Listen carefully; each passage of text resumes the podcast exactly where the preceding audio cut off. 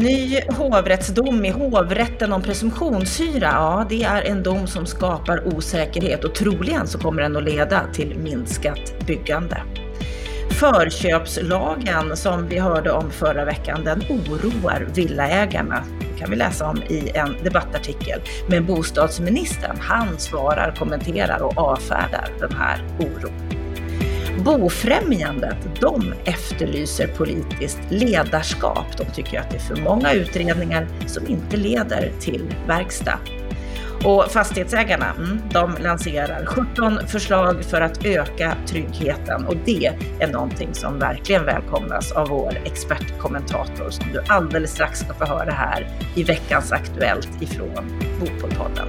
Varmt välkommen till en ny vecka mycket trevligt att du är med oss. Jag heter Anna Bellman.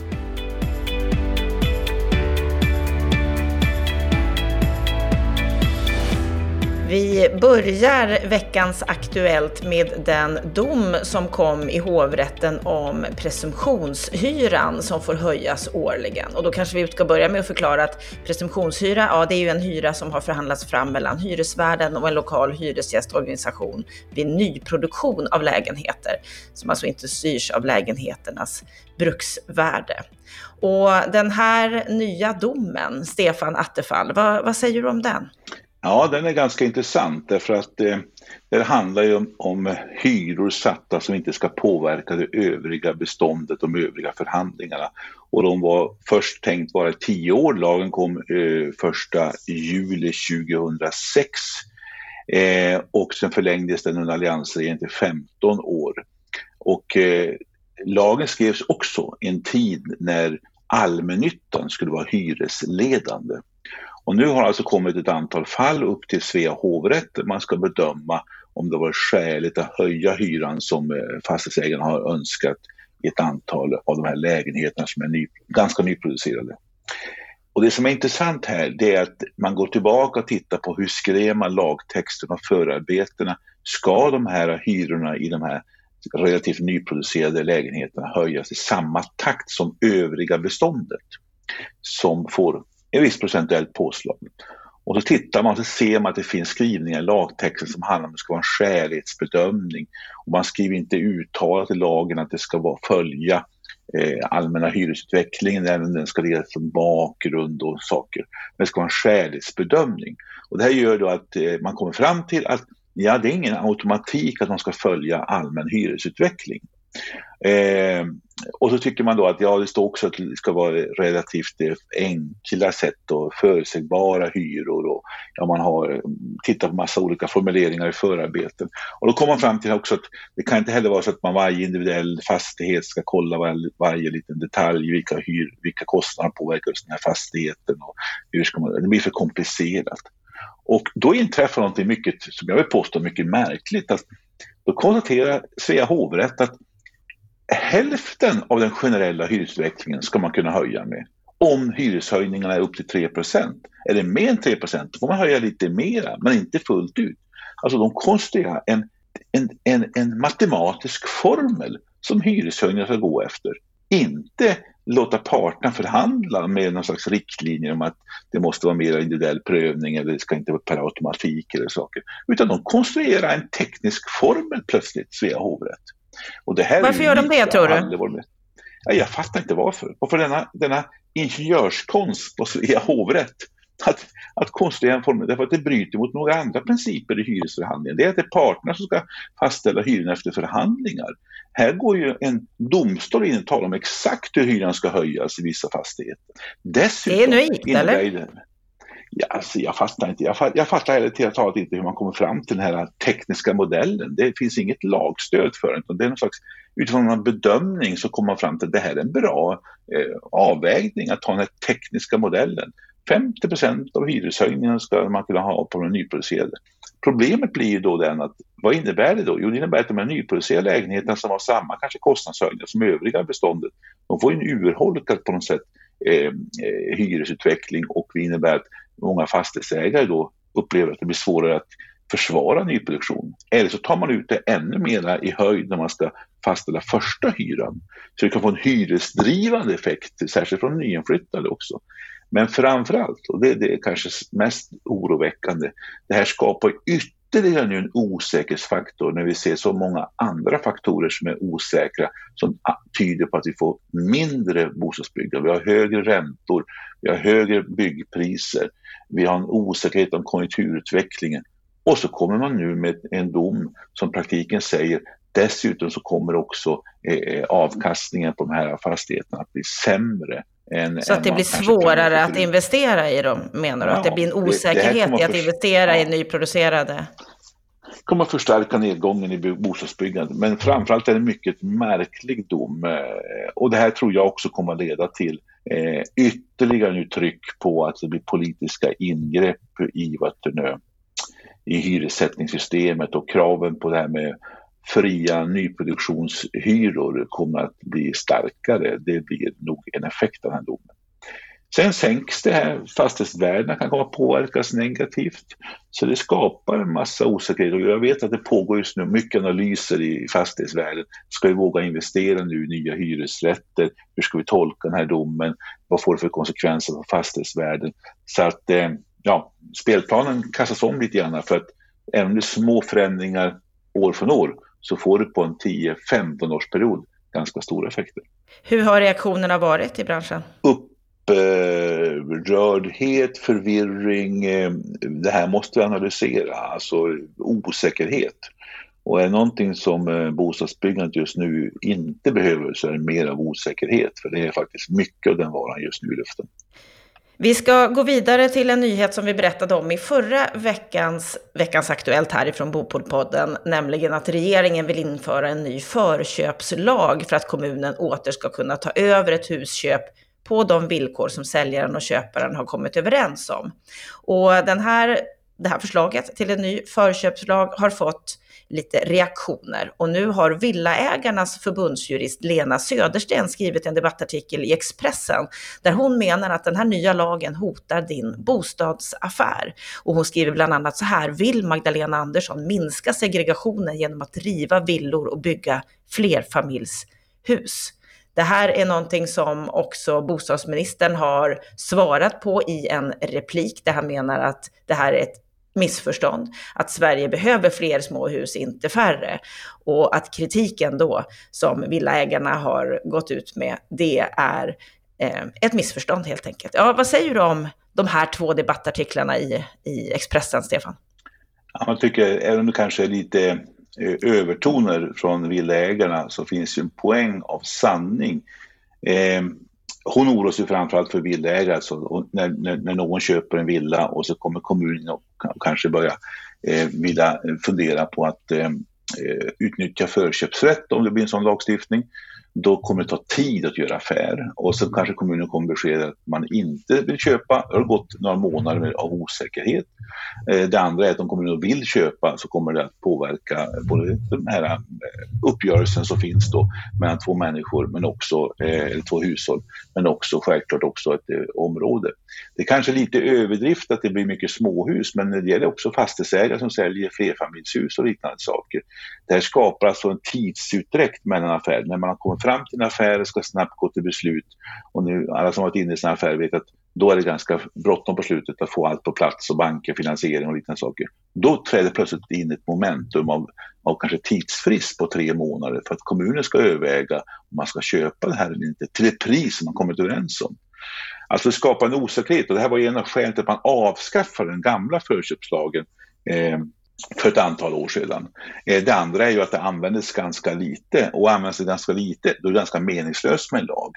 Används det mycket, då blir det också ett slags ingrepp också i den privata äganderätten och framförallt så blir det en byråkratisering av säljprocessen. Och det intressanta med Johan Danielsson som avfärdar liksom hennes farhågor, det är att han svarar inte heller säkert på att eh, hennes farhågor är helt osanna. Eh, och tittar man på utredningsdirektiven så finns det inga tydliga undantag exempelvis i direktiven för den här utredningen för exempelvis småhus. Så att det finns anledning att vara orolig beroende på vad utredningen kommer fram till om det sen blir lagstiftning. Men det här är ett exempel på när man jagar symbolfrågor som inte har så stor effekt i, i, i vardagen om det används så restriktivt som förra lagen gjordes. Används det mer offensivt ja, då kommer det också skapa massa problem och bråk och eh, eh, oro på både småhusmarknaden men framförallt också den stora fastighetsmarknaden. Så jag tycker det här är ett eh, dåligt instrument. En kommun kan alltid köpa fastigheter om man vill göra det. Och man har också expropriationsrätten om det är verkligen centrala, viktiga fastigheter man vill köpa in. Eh, och som sagt var, det finns ingen skillnad i lagen om det är en fastighet med ett hus på en fastighet med tom, tom mark alltså. Så det beror på vad utredningen kommer fram till, men jag är skeptisk och tycker att det finns anledning att följa det här med oro, den här typen av politiska inhopp som inte har så stor effekt tror jag i praktiken. Han säger ju, Johan Danielsson, i sin replik att det är olyckligt att villaägarna drar stora växlar utifrån en utredning som inte har startat. Att beskrivningen ja. att regeringen skulle vilja riva villaområden, det kunde inte vara längre ifrån verkligheten. Samtidigt som han också avslutar med att han ser fram emot att de kommer med synpunkter och inspel. Ja. så han svajar lite här. Ja, alltså det är ju inte så att det, jag tycker också att de kanske tar i med, med, med, med allt för stor trumvirvel här de ska gå på. Men eh, utredningsdirektiven innehåller inga exempelvis undantag från, för småhustomter eller sådana här saker. Så det finns en skäl att vara lite orolig vad lagförslaget kommer fram till. Eh, men det här är så typiskt, eh, vill jag påstå, en liten sätt att glädja socialdemokratiska kommunalråd och lite vänstern i partiet. Alltså det är en sån symbolfråga, ungefär som det här lite, lite töntiga förslaget om att utreda statligt byggbolag. Alltså det blir så symbolhandlingar för att visa vänstersidan att man vill någonting, man gör någonting. Sen brukar förnuftet, i alla fall de flesta fall, eh, komma på slutet så det blir ingenting av det hela. Men vi får se vad som händer med den här utredningen. Vi får följa vad som händer. Vi ska gå vidare till Bofrämjandet som hade ett seminarium i veckan där de presenterade en rapport bland annat, där de efterlyser mer politiskt ledarskap. Du var med på det här seminariet, Stefan, men innan vi går in på vad det handlade om, Bofrämjandet, vad är det för något? Ja, det är en sammanslutning av en eh, rad olika företag i byggbranschen och bostadsbranschen, fastighetsbranschen, som har samlats för att främja en sund och fungerande bostadsmarknad. Och eh, eh de kanske är mest kända för att man drivit det här förslaget om bosparande. Det har de gjort under lång tid. Och så bedriver de viss seminarieverksamhet och Nancy Mattsson från JM är just nu ordförande i den här äh, organisationen.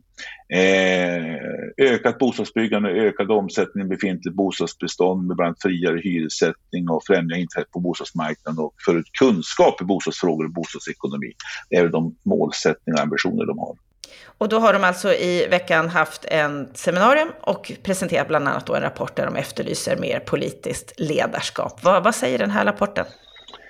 Ja, det de har bett Evidens och eh, Ted Lindqvist eh, att eh, sammanställa vad har gjorts på det politiska eh, området, eh, framförallt utredningsväsendet de sista tio åren. Och då berörs väl även jag, erkänner jag, eh, de först, de, här, längst bort i tiden så är de, de slutet av min mandatperiod. Där jag också drog igång några utredningar.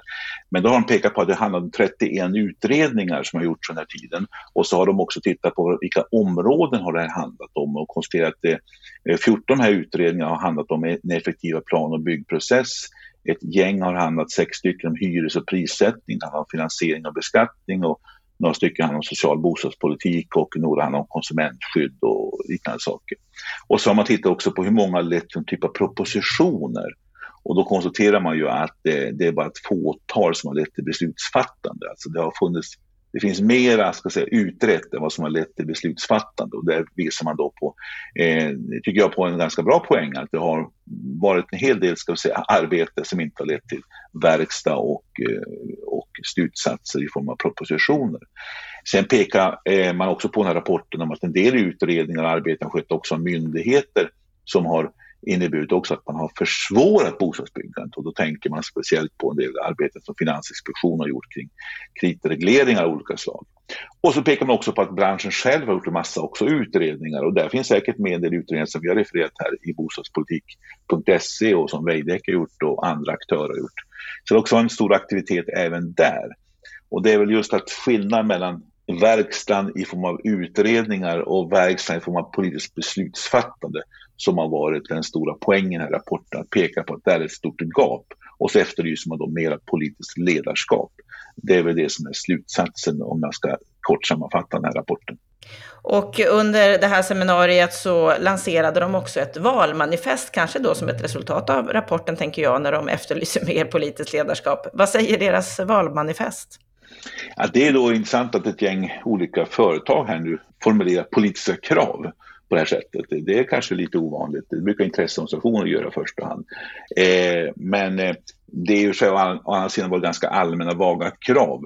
Eh, Eh, tyvärr har jag inte kunnat hitta eh, själva valmanifestet i skriftlig form utan bara referera från seminariet så var det, det är att verka för, för mer av planering, bättre planprocesser, verka, verka för bättre villkor för att eh, exempelvis kunna komma in på bostadsmarknaden. Men uttryckt i ganska vaga verka för-former.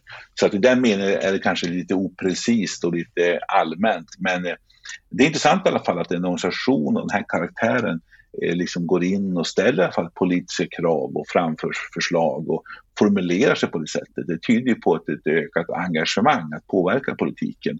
Eh, och det är så intressant. Men det är klart att när man blir skarpare och mer konkret så kan det också bli kanske mer osämja mellan de här olika aktörerna. Men jag tycker det är tidens tecken. Det är valrörelse, det är eh, ökat engagemang, man vill att det ska hända saker och ting och man ser behov av politiskt beslutsfattande både på nationell nivå och på kommunal nivå. Och det tycker jag man ska ändå harangera dem för och säga att det, det är välkommet och eh, det är intressant. Och det bådar också gott för en kanske mer aktiv bransch gentemot politiken, vilket gör också att politiken tvingas komma till skott och eh, också förverkliga många av de här sakerna.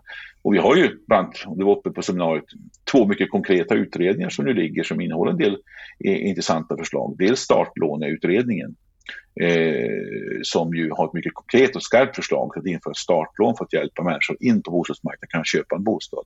Och den andra utredningen som också var, är aktuell just nu är just den sociala bostadspolitiken som eh, innehåller många olika saker, men det finns ju en del mycket konkreta saker som kanske inte vänder upp och ner på allt, men som ändå skulle kunna få eh, ja, ge kommuner och, och, även ge staten lite bättre verktyg att jobba med sociala aspekter av bostadspolitiken.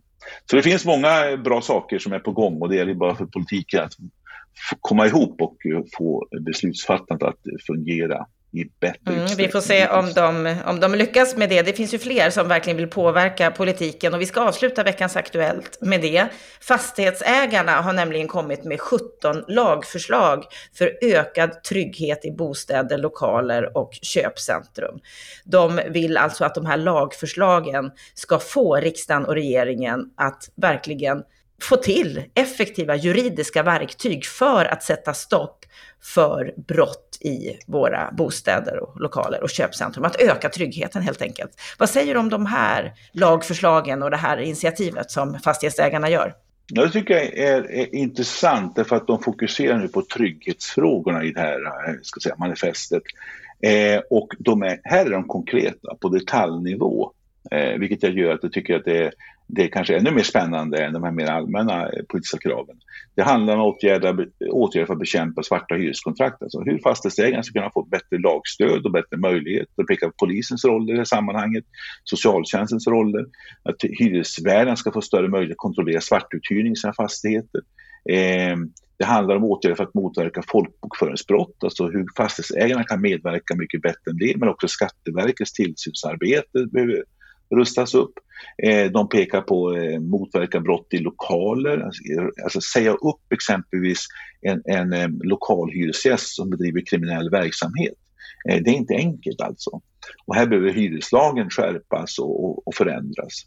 Och att brottslighet ska kunna leda till uppsägning av lokalen. Det handlar om eh, eh, flytt av övergivna fordon. Ett jätteproblem på många parkeringsplatser där det står fordon som är övergivna och man kan inte forsla bort dem hur lätt som helst. Eh, och här måste man alltså också få bättre stöd och hjälp med sådana saker. Eh, tillträdesförbud till, för eh, människor som inte sköter sig på köpcentrum, gallerior. Eh, men också kanske fler möjligheter att avvika från detaljplan när man ska försöka göra förändringar av ett bestånd och ett, en miljö för att skapa mer trygghet och liknande saker.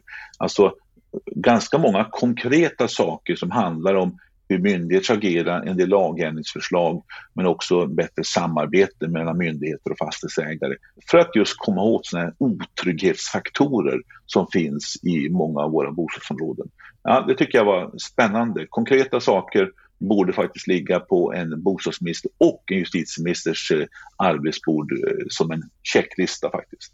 Är det här 17 lagförslag som kan bli verklighet? Ja, alla är inte lagförslag, men, men eh, flera av dem. Alltså jag tycker de flesta kan bli det. En del är lite juridiskt kanske knepiga, andra handlar mer om att få samarbetet att fungera mycket bättre. Eh, och att få exempelvis myndigheter att, att tagga upp exempelvis när det gäller folkbokföringsbrott och sådana saker. Det handlar mycket om vilka kontrollmöjligheter man ska ha. Alltså, det är lite avvägning kanske ibland mellan, mellan personlig integritet och eh, eh, vikten av att man, man beivrar felaktigheter. Men framförallt också att myndigheterna steppar upp och får resurser men också är aktiva att hjälpa till. Så det finns många saker som går att lösa utan lagändringar, eh, men som kanske kräver bara ett samtal och att kanske en eh, regering kallar till sig parterna och säger åt dem att nu måste vi kunna göra insatser på det här området eller i regleringsbrev styra myndigheter. Så att jag tycker det finns mycket att göra här som inte behöver gå till eh, lagstiftning. Men det finns en del också lagstiftningsförändringar de efterlyser. Men det är faktiskt en konkretion och en, jag ska säga, en visa på att många sådana här olika åtgärder, stora och små, tillsammans kan skapa mycket mer av trygghet i våra bostadsområden. Och det är faktiskt en av de viktigaste frågorna när man frågar också hyresgäster. Vad, vad eftersträvar man? Jo, det är trygghet. Trygghet att ta sig från bussen till bostaden, att röra sig i centrum, att röra sig på gårdarna när det är mörkt, eh, upplysta exempelvis eh, eh ytor att vara på, men också att det finns trygghetsvärdar, eh, poliser, ordningsvakter.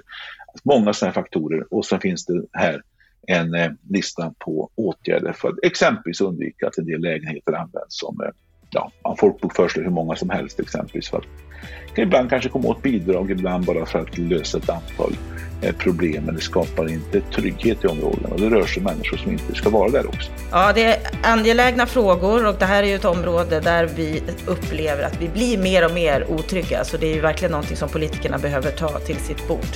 Och när det gäller frågor inför valet så är ju fastighetsägarna aktiva även när det gäller andra frågor förutom tryggheten.